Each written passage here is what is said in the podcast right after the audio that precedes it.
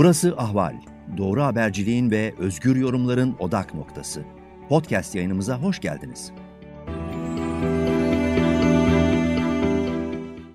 Ahval'den herkese merhabalar. Sıcak takipteyiz. Ee, bugün bir e, önemli konuyu konuşacağız. Ee, Berlin'de Türkiye'nin iç siyasetiyle ilgili bir konferans. Uzun bir aradan sonra farklı e, kimlikleri, farklı görüşlerde olanları da bir araya getiren kapsamlı bir konferans düzenlendi. İki gün sürdü ve e, bu konferansta e, başlığı Demokrasi ve Özgürlük Konferansı olan bu toplantıda e, üç oturum yapıldı. Hasar tespiti, çıkış yolu ve geleceğin inşası. Dördüncü oturumda daha çok farklı kimliklerden olanların bir araya geldiği ve kendi zaviyelerinden, açılarından e, durumla ilgili tespitlerini ve uyarılarını, çözüm önerilerini aktardıkları bir sonuncu oturum daha yapıldı ve ondan sonra da e, bir sonuç bildirgesi yayınlandı.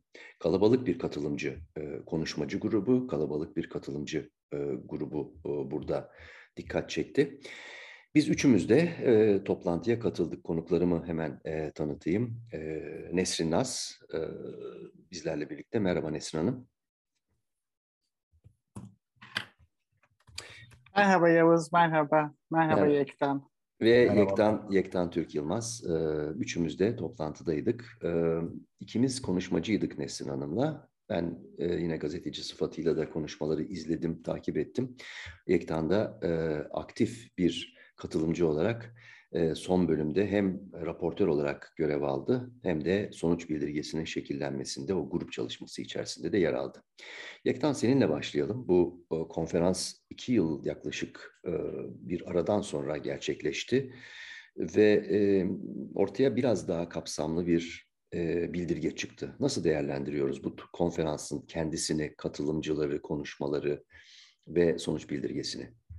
Yani ilk başta şöyle söyleyeyim Yavuz Bey. Ben benim için çok e, göze çarpan nokta özellikle o sizin dördüncü grup dediğiniz ve esas itibariyle aslında e, dördüncü e, panel dediğiniz en son günkü panel aslında bu rejimin e, çok farklı kesimlerinden e, e, e, baskı gören, e, zulüm gören, e, işkence gören, yakınlarını kaybeden yani mağdurları rejimin damdan düşenlerinin konuştuk yani e, görüşlerini ifade ettikleri kaldı ki 19 konuşmacı vardı yani olağanüstü bir paneldi bu. Hı hı.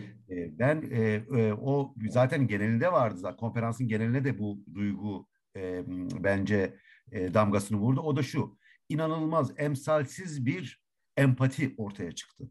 Yani bu farklı kesimler artık e, e, otoriterliğe, e, hak gaspına, hukuksuzluğa öyle bir e, doymuş ki görüyorsunuz ve bu konuda öyle bir dolmuş ki toplum. E, insanlar bence farklı kesimler birbirlerini anlamak konusunda çok daha ileri bir noktadalar. Onu gördüm. Bu bir umut kaynağı olarak bunu bir e, bununla başlamak istiyorum. Hı hı. Yani e, Barış Anneleri, e, Şen Yaşar ailesi, e, Sami Elvan, farklı Alevi kurumları, farklı Kürt kurumları, Süryani temsilciler, yani Ezidi temsilci, her gruptan insanlar. Cenazeye saygı diye bir grup vardı. Bir, bir, ki, Efendim, bir, cenazeye saygı bence çok önemliydi. Çünkü herkesi bir araya getiren bir konuşmaydı o. Neden konuşmaydı? Cenazeye saygı çok ilginç gelebilir.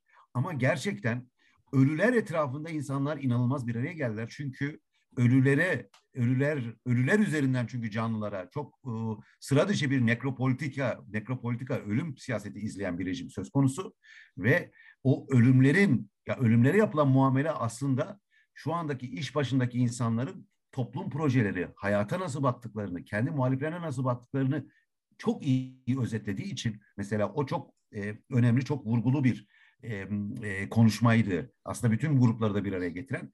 Uzatmadan söylersem eğer gerçekten şu azim var. Birincisi e, e, artık birbirimizin dertlerini anlamak durumundayız. Barış annelerinden örnek verecektim. E, mesela evet biz bu kadar zulüm gördük, bu kadar sıkıntı gördük, bu kadar bir grup adına bize zulüm yapıldı. Ama biz nefret istemiyoruz, biz hınç istemiyoruz, biz intikam istemiyoruz, adalet istiyoruz, herkes için istiyoruz, herkes için istiyoruz tekrar tekrar söylediler ve bunu bu, bu rejimin zulmüne en acımasızca e, karşı karşıya olduğu kesimler söylüyor. Bu bence geleceğe ilişkin önemli bir e, bence e, güzel e, bir e, ışık e, öyle söylemek isterim. E, e, başka ekleyeceğim de şu olacak. E, e, muhalef bir bir çıkış yolu aramak. Bir çıkış yolu aramak konudaki ısrardı. Bir çıkış yolu arasındaki e, çıkış yolu bulmaktaki ısrarda da şu göze çarptı.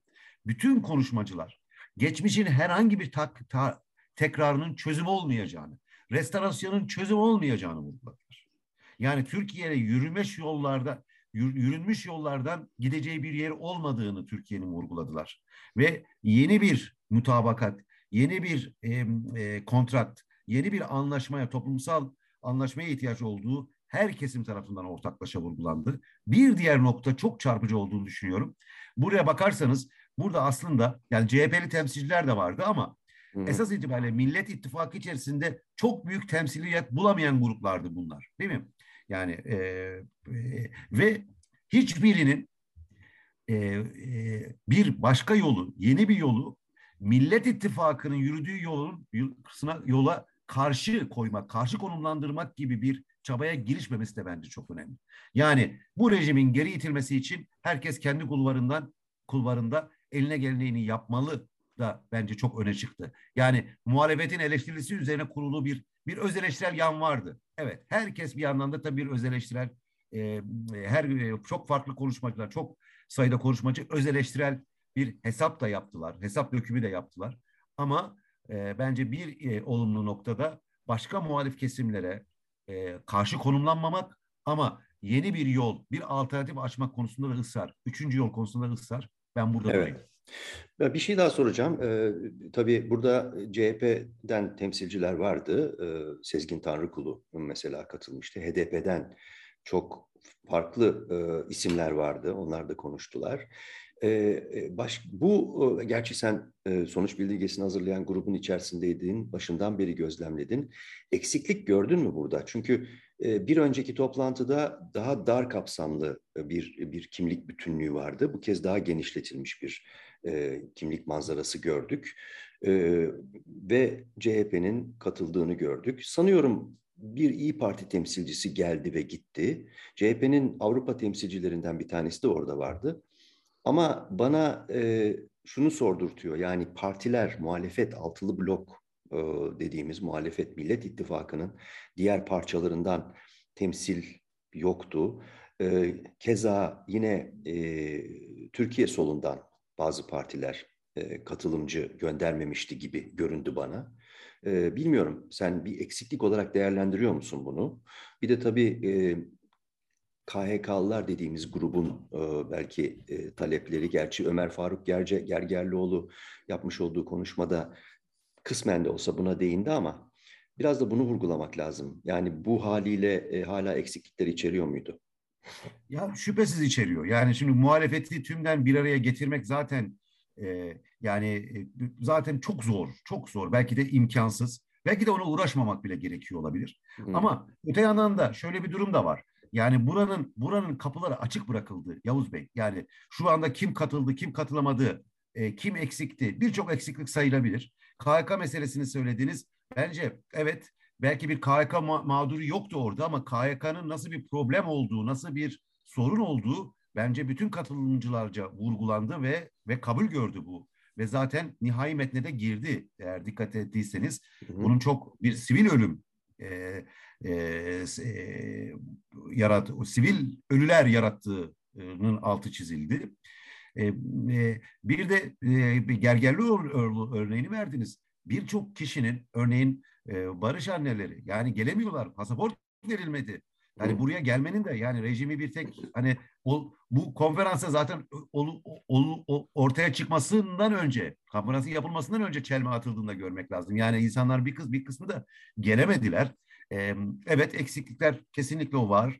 Ama evet. bence burada kritik olan kapının açık kalması. Çünkü e, bu, bu toplantılar anladığım kadarıyla devam edecek ve bir e, bir de şöyle bir dilek oldu.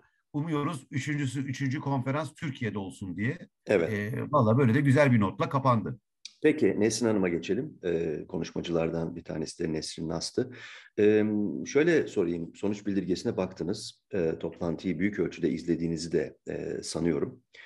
Nasıl bir değerlendirme yapmak istersiniz? Düşünceleriniz nedir? Sonuç bildirgesinden başlamak üzere.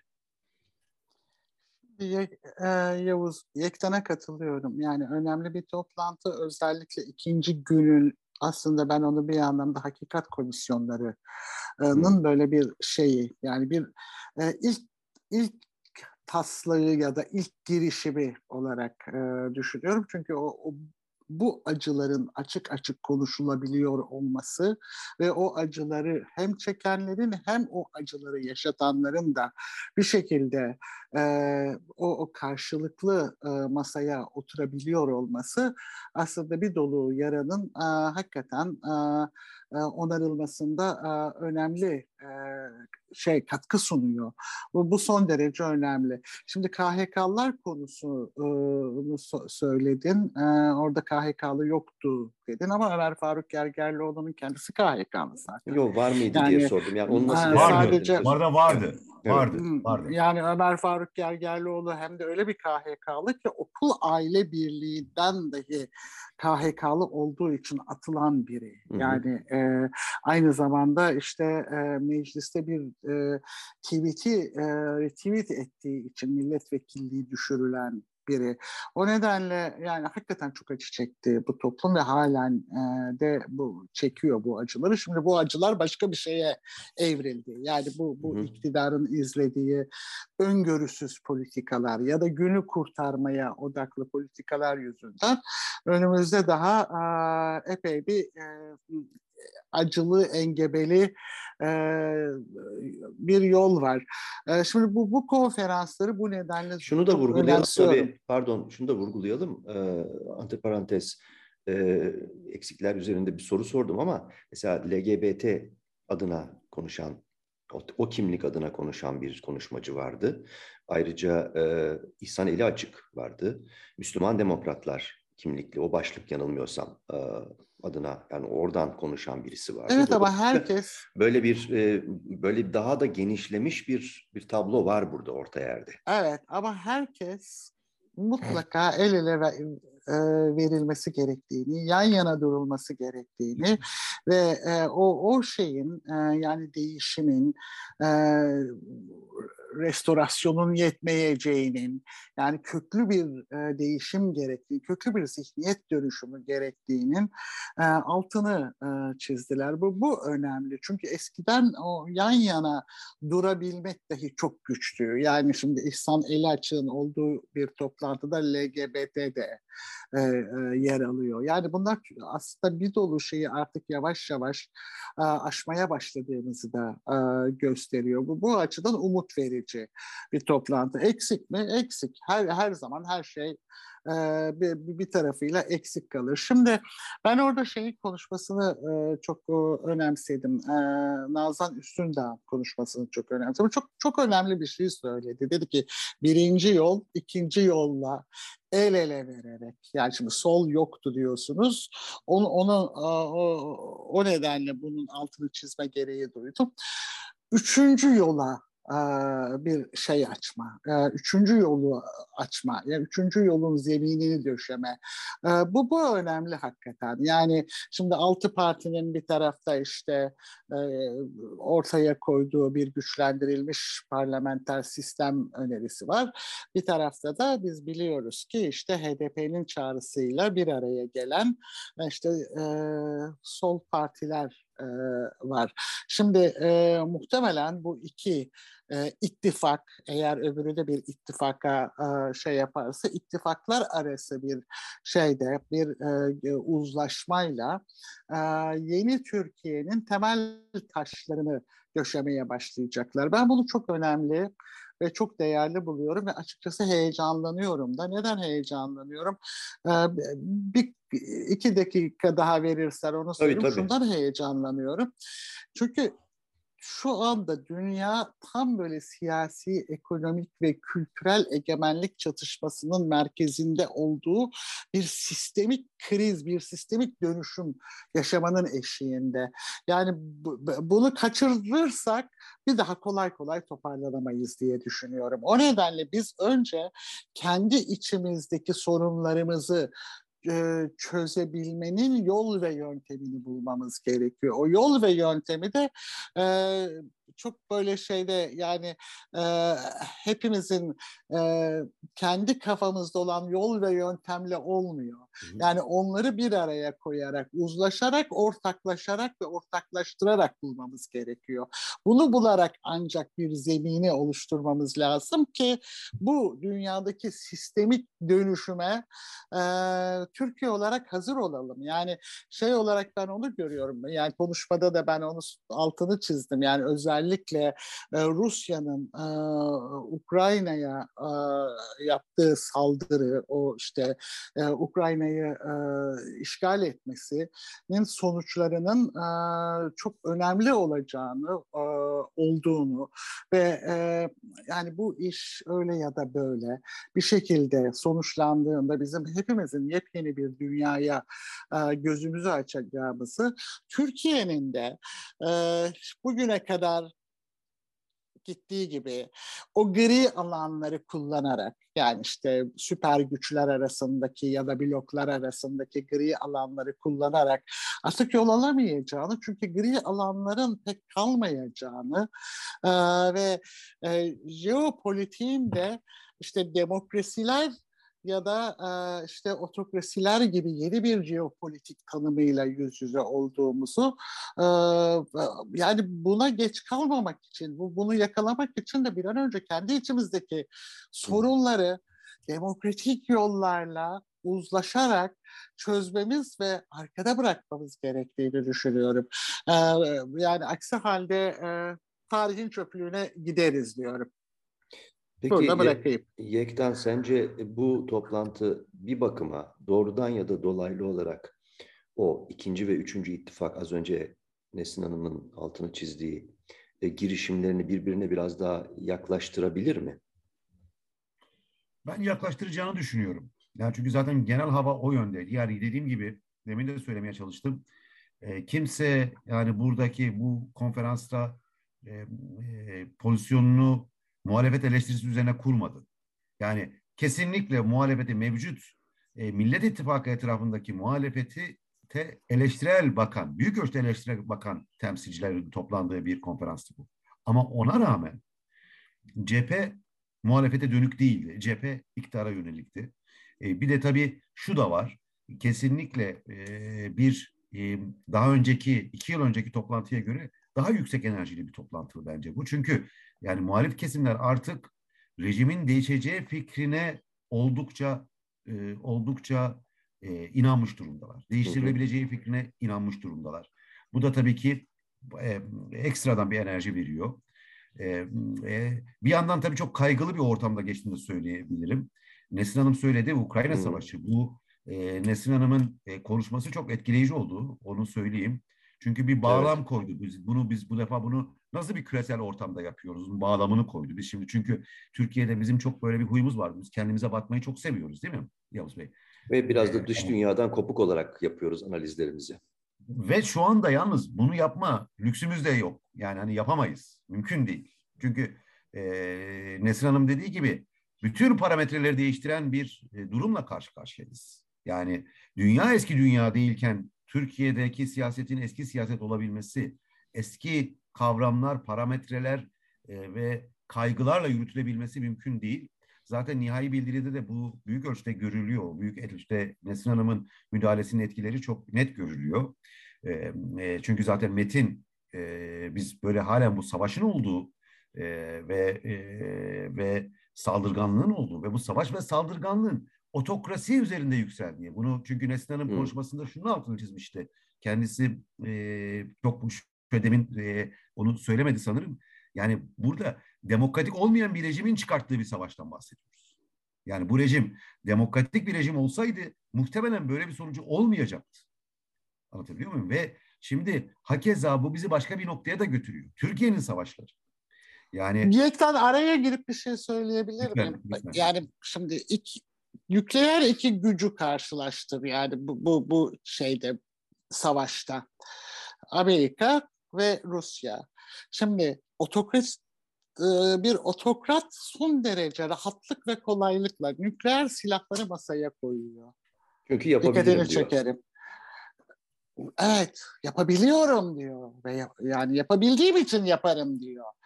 Ee, dikkat edin yani o şeyde onun karşılığında Amerika e, hiçbir şekilde nükleeri masaya sürmüyor, süremiyor. Bunu söylediği andan itibaren bütün Amerika ayağa kalkar. Ciddi bir şekilde hesap sorar.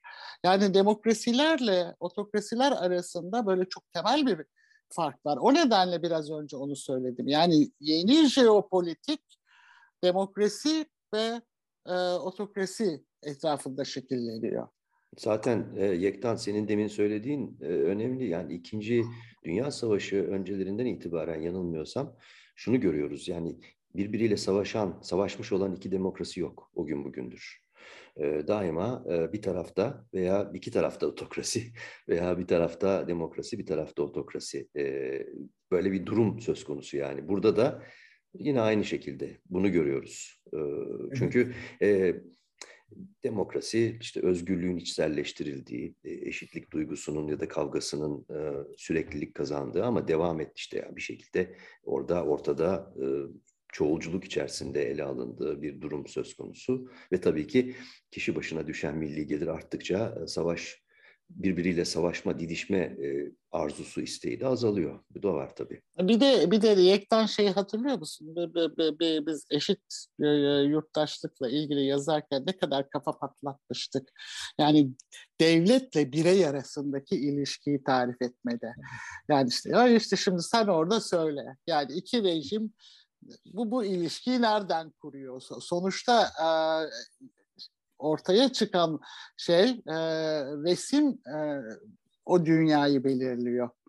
Kesinlikle Nesrin Hanım bir, bir defa bir anlatı da birey yok. Bir anlatı yüz yıllık, yüzlerce yıllık e, projeksiyonla, jeopolitikayla, efendime söyleyeyim e, e, e, e, çıkarlar, nüfus alanları savaşı üzerine yürüyor. İçinde ekoloji yok, iklim krizi yok, Anlatabiliyor muyum? Kazanmak ve kaybetmek üzerine maksimalist bir noktada durarak gidiyor. Yani ve e, şeyle ilgili söylediğiniz çok önemli. E, yani e, kontrolsüz olmasını ben dediğiniz bir defa çok doğru. Tamamen katılıyorum ikinize de. Yani bir defa e, e, denge kontrol mekanizmalarının olduğu çoğulcu e, çok partili sistemlerdeki durum apayrı. E, Rusya, Çin gibi durumlarda apayrı. E, burada ben e, Dimitri e, Muratov'u e, Novaya Gazeta'nın genel yayın ve Nobel ödüllü bir isim. Onun şu ifadesini hatırlatmak istiyorum tekrardan. Putin parmaklarının ucunda nükleer düğmelerini parmaklarının ucunda sanki elinde pahalı bir arabanın anahtarlarını çevirir gibi çeviriyor. Hı hı. Bütün dünya. Şimdi ben buradan ikinci bir ayrıma daha gitmek isterim otokrat, otokrat rejimler içerisinde bile Putin özel bir tehdit oluşturuyor. Çünkü yani Sovyet e, dönemini düşünün. Halen bir politburo var. Halen bir tek kişiye indirgenemeyecek bir siyaset var. Bakın bugün Çin'e bakın. Çin de otokrat. Ama Çin'de de yine daha böyle e, söyleyin siz bir Kurum, kişinin kurumlar bileşkesi var. Evet. Kurum, kurum, kurum var. Kurum var. Evet. Evet. Evet. Yani burada e, e, e, savunma bakanına soruluyor bu iş kim bakar falan diyor. Tabii ki diyor bu karar sadece şeyin kararıdır diyor. Söyleyin siz. Putin'in kararıdır. Vladimir Bey'in kararıdır diyor. Evet. Vladimir Bey'in kararıdır diyor. Şimdi bakın insanlığın insanlığın kaderi hiçbir insanın eline bırakılmamalı. Bakın bu insanın elinde dünyayı defaten yok edecek. İmkanlar. Milyarların e yaşandı zaten. 1939-1945 arasında yaşandı ne oldu? Evet yani bir de burada bırakıldı, sanki ne oldu? yani yanlış anlaşılmasın bir defa şimdi çok bu ara yakın zamanda çok korkunç e, kavram kirliliği oluyor. Yani önümüze geldiğinde Nazi diyoruz. Nazi çok spesifik bir şeydir. Nasyonel Parti üyesidir Nazi. Öyle her önümüze gelen Nazi şeyi diyemeyiz. Yektan son bir soru kaldı ve e, toplam 8 dakikamız var. Toparla çünkü o sorunun ikinize de aynı soruyu soracağım. Evet. Son hemen, hemen he, e, e, o zaman ben burada e, bırakayım. Çünkü onu, onu daha sonraki konuşmalarımızda ele alırız. Yani bu nazi, tamam. neonazi, kavram kargaşası, bilgi kirliliği vesaire burada çok ciddi bir başka sohbet konusu var. Yine buluşur. Tabii yaparız. yani orada şey var bir de e, Yavuz. Yani Putin'in e, Avrupa'daki e, aşırı sağ partilere yaptığı, e, doğrudan yaptığı şey var. Sermaye desteği var, troll desteği var. Yani evet. bütün bunlar bir de kanıtlarıyla ortada. Evet doğru. Ee, az önce Yektan e, sen söyledin yani bu e, savaşın gölgesi altında geçen bir konferans. Yine oraya dönmek istiyorum ben bu demokrasi Lütfen, konferansı. E, ya bu savaşın gölgesini, e, rüzgarını, o soğuk rüzgarını hissettik her zaman ve bu gündeme de getirildi. Sizce e, sonuç bildirgesi çıktı, işte konuşuyoruz üzerinde mevcut yeni bir yepyeni bir konjonktürle karşı karşıyayız ve yani Türkiye'de de gittikçe koyulaşmış, kendi kendisini bir kişi etrafında konsolide etmiş bir otokrasi rejimi var. Sizce konferansta dile getirilen demokrasiye dönüş ya da demokratikleşmeye dönüş e, bu konjonktürde zorlaşıyor mu, kolaylaşıyor mu? Kısaca cevaplarınızı alayım. Üçer dörder dakikalık. Benle mi başlıyorsun? Evet. Ben ben evet. kolaylaştığını düşünüyorum. Çünkü Putin örneği çok çarpıcı bir örnek. Ee, ve bütün dünyada öyle ya da böyle bir otokratın sadece Ukraynalılara değil, e, kendi halkına da ne kadar ağır bir bedel ödetmekte olduğunu e, ve bu bedelin e, bu adam durdurulamazsa tüm dünya tarafından ödenecek olduğunu ki yani bir, bir bölümüyle ödeyeceğiz zaten. Evet. Yani ekonomik ekonomik yönüyle hepimiz ödeyeceğiz her herkes bunu izliyor, görüyor ve kafasında o soruyu sormaya başlıyor diye düşünüyorum. Çünkü aslında son 10-15 yıldır e, çok belirgin bir şekilde bu otokratlar e, birbirlerinden öğreniyorlar, birbirlerini taklit ediyorlar. E, o birbirlerini taklit ederek giderek siyasi sistemin ana damarı haline gelmeye başlıyorlar ve onlar ana damarı haline gelmeye başladığında o, o, o toplumlarda dikkat edin hem ekonomiler bozulmaya başlıyor, gelirler düşmeye başlıyor, işte refah artışı duruyor.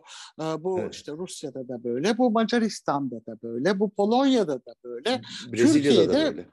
Brezilya'da da böyle, Türkiye'de son derece bariz. Hatta bu e, adamların e, birbirlerinin sürekli sırtını sıvazlayarak e, işte e, bulundukları yeri içeriden dinamitleme ve o, o, o çevredeki barışı da e, bozma, o ortamı bozma gibi bir özellikleri var. Bak şunu söyleyeyim yani ben mesela şu anda şeyden çok endişeleniyorum. Yani Türkiye'nin e, çünkü ortak aklı e, yok ettiği zaman e, o işte denge denetleme mekanizmaları ortadan kalktığı zaman o, o şeyle yani bu benim önüme tarihi bir fırsat çıkardı. Ben bu fırsatı değerlendirerek işte efendim e, bütün dünyadan e, çekilen Rus işte şeylerini e, oligarklarının sermayelerini, fonlarını bilmem nelerini Türkiye'ye çekerim ve buradaki krizi de böyle atlatırım gibi çok korkunç tarihi bir hata yapabilirler. E, bunu şunun için söylüyorum. Çin'den örnek vereceğim. Biraz önce e, epey aradım bunu çünkü 2-3 gün önce rastlamıştım buldum. Mesela e, Çin merkezli bankalar finansal yaptırımları benimsedi biliyorsunuz. E, ya ve şeyde Çin'in birinci Rusya'nın en büyük üçüncü hissedarı olduğu Asya Altyapı ve Kalkınma Bankası Putin rejimiyle ilişkilerini dondurdu. Yani bu aslında biraz önce ta başında söylediğim o işte e, o sistemik krizin yani yeni bir uluslararası hukukun inşa edileceği ve herkesin artık e, ne denir saflarını safların yeniden dizileceği bir anda evet. olduğumuzu da çok açık gösteren bir şey. Türkiye'den ben bu nedenle çok endişeleniyorum. Anladım. Çünkü şu anda e, gerçekten ortadayız. Her, hayır yani şey yok bir, bir ekonomik akıl yok, bir evet. ortak akıl yok. Yani böyle bir şey yok. O nedenle bunu bir fırsat, sadece fırsat. Yani e, ne diyordu? Win-win, win-win. Böyle evet. bir şey ezberlemişler win-win, win-win. Bu, bu, yani böyle bir şeyden win-win diye bakan bir kadro ile yakalanmış olmak beni biraz endişelendiriyor Peki, doğruyu söylemek teşekkür, gerekirse. Teşekkür ederim. Bu aslında iyimsersiniz o başta söylediğiniz gibi. Son söz Ama yok iyimserim yani. Evet evet. E, paylaşıyor musun Yektan bu görüşü? E, sana bir beş dakika süren var. E, toparla. Çok, tabii ki paylaşıyorum. Yani öz, öz, özünde aynı görüş düşünüyoruz Nesrin Hanım'la. E, tabii paylaşıyorum. Tabii ben bir de kötü senaryoya da biraz bakayım mı? Yani tabii. kötü senaryoya bakarsak yani Putin'in galebe çaldığı eğer bu işte galebe çalarsa Putin... Sen biraz daha kötümserim mi demek istiyorsun? Hayır, hayır. Şunu diyorum. İhtimalleri sayalım diyorum. Yani bu ihtimali sonuç itibariyle hipotetik de olsa bu ihtimalleri sayalım. Ee, yani Ukrayna direnişi ki bence sonuna kadar desteklememiz gerekiyor. Yani hiç böyle blok blok jeopolitikaya falan girmeden çok temel insani gerekçelerle dünya için, dünyanın geleceği için yani böyle çok büyük laflar arkasında boğuntuya getirmeden desteklememiz gereken evet. bir şey. Yani direniş var orada. Çünkü aksi takdirde çok korkunç. Eğer bu jingoizm, bu e, saldırganlık ödüllenirse zaten dünyayı muhtemelen Putin iklim krizine bırakmadan yaşanmaz bir hale getirecektir. Evet. Yani yani bu bu bu bu korkunç bir senaryo. Bunu düşünmek bile istemiyorum ve buna e, e, ben e, Ukrayna başta olmak üzere dünyanın dünyada hani bu bahsettiğimiz haklar, özgürlükler, ekoloji temel kaygıları olan herhangi bir e, kesimin, insanın, toplumun izin vermeyeceğini, sonuna kadar direneceğini düşünüyorum. Direnmesi gerektiğini düşünüyorum. Bu birinci kısmı. İkinci kısmına gelirsek durdurulması tek başına bile olsa şunu gösterdi bence bu durdurulması bir işte ne bileyim bir barış falan filan bunların hepsi iyi çözümler. Yani şu andaki durumun durdurulması çok çok iyi çözümler. En iyi tabii ki çözüm bunun bu bu bu bu hesabın Putin'in bence büyük yanlış hesabının onun sonunu getirmesi e, Rusya'da ve Rusya'nın da bir demokratikleşme sürecine girmesi. Kendi iç dinamikleriyle bir demokratikleşme sürecine girmesi. Bu ideal senaryo ve her halükarda şunu görmemiz. Demin de söylediğim gibi. Bakın bu gibi felaketler insan yapımı felaketler.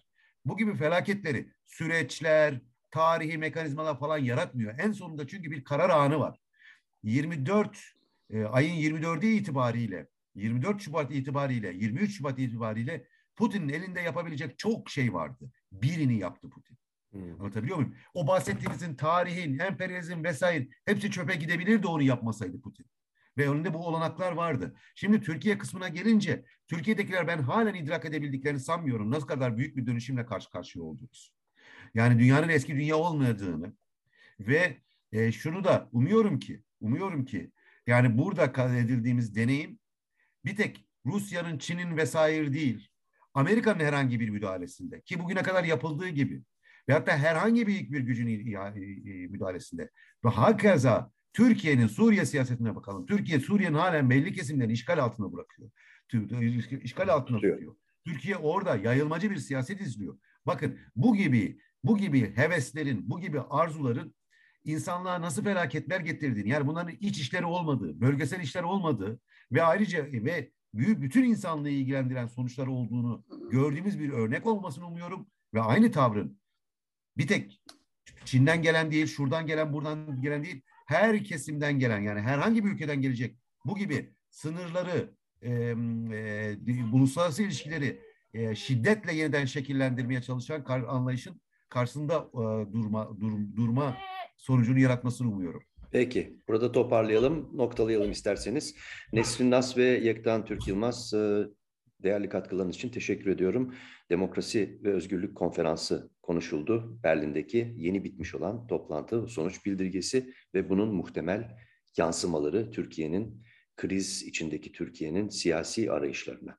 Teşekkürler. Ben teşekkür ederim. İyi akşamlar diyorum herkese. Ben teşekkür ediyorum. Çok çok iyi akşamlar Yavuz Bey. Burada noktalıyoruz. Hoşçakalın. Hoşçakalın. Ahval podcastlerini tüm mobil telefonlarda Spotify, SoundCloud ve Spreaker üzerinden dinleyebilirsiniz. Apple iPhone kullanıcıları bize iTunes üzerinden de ulaşabilir.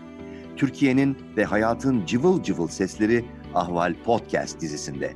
Kulağınız bizde olsun.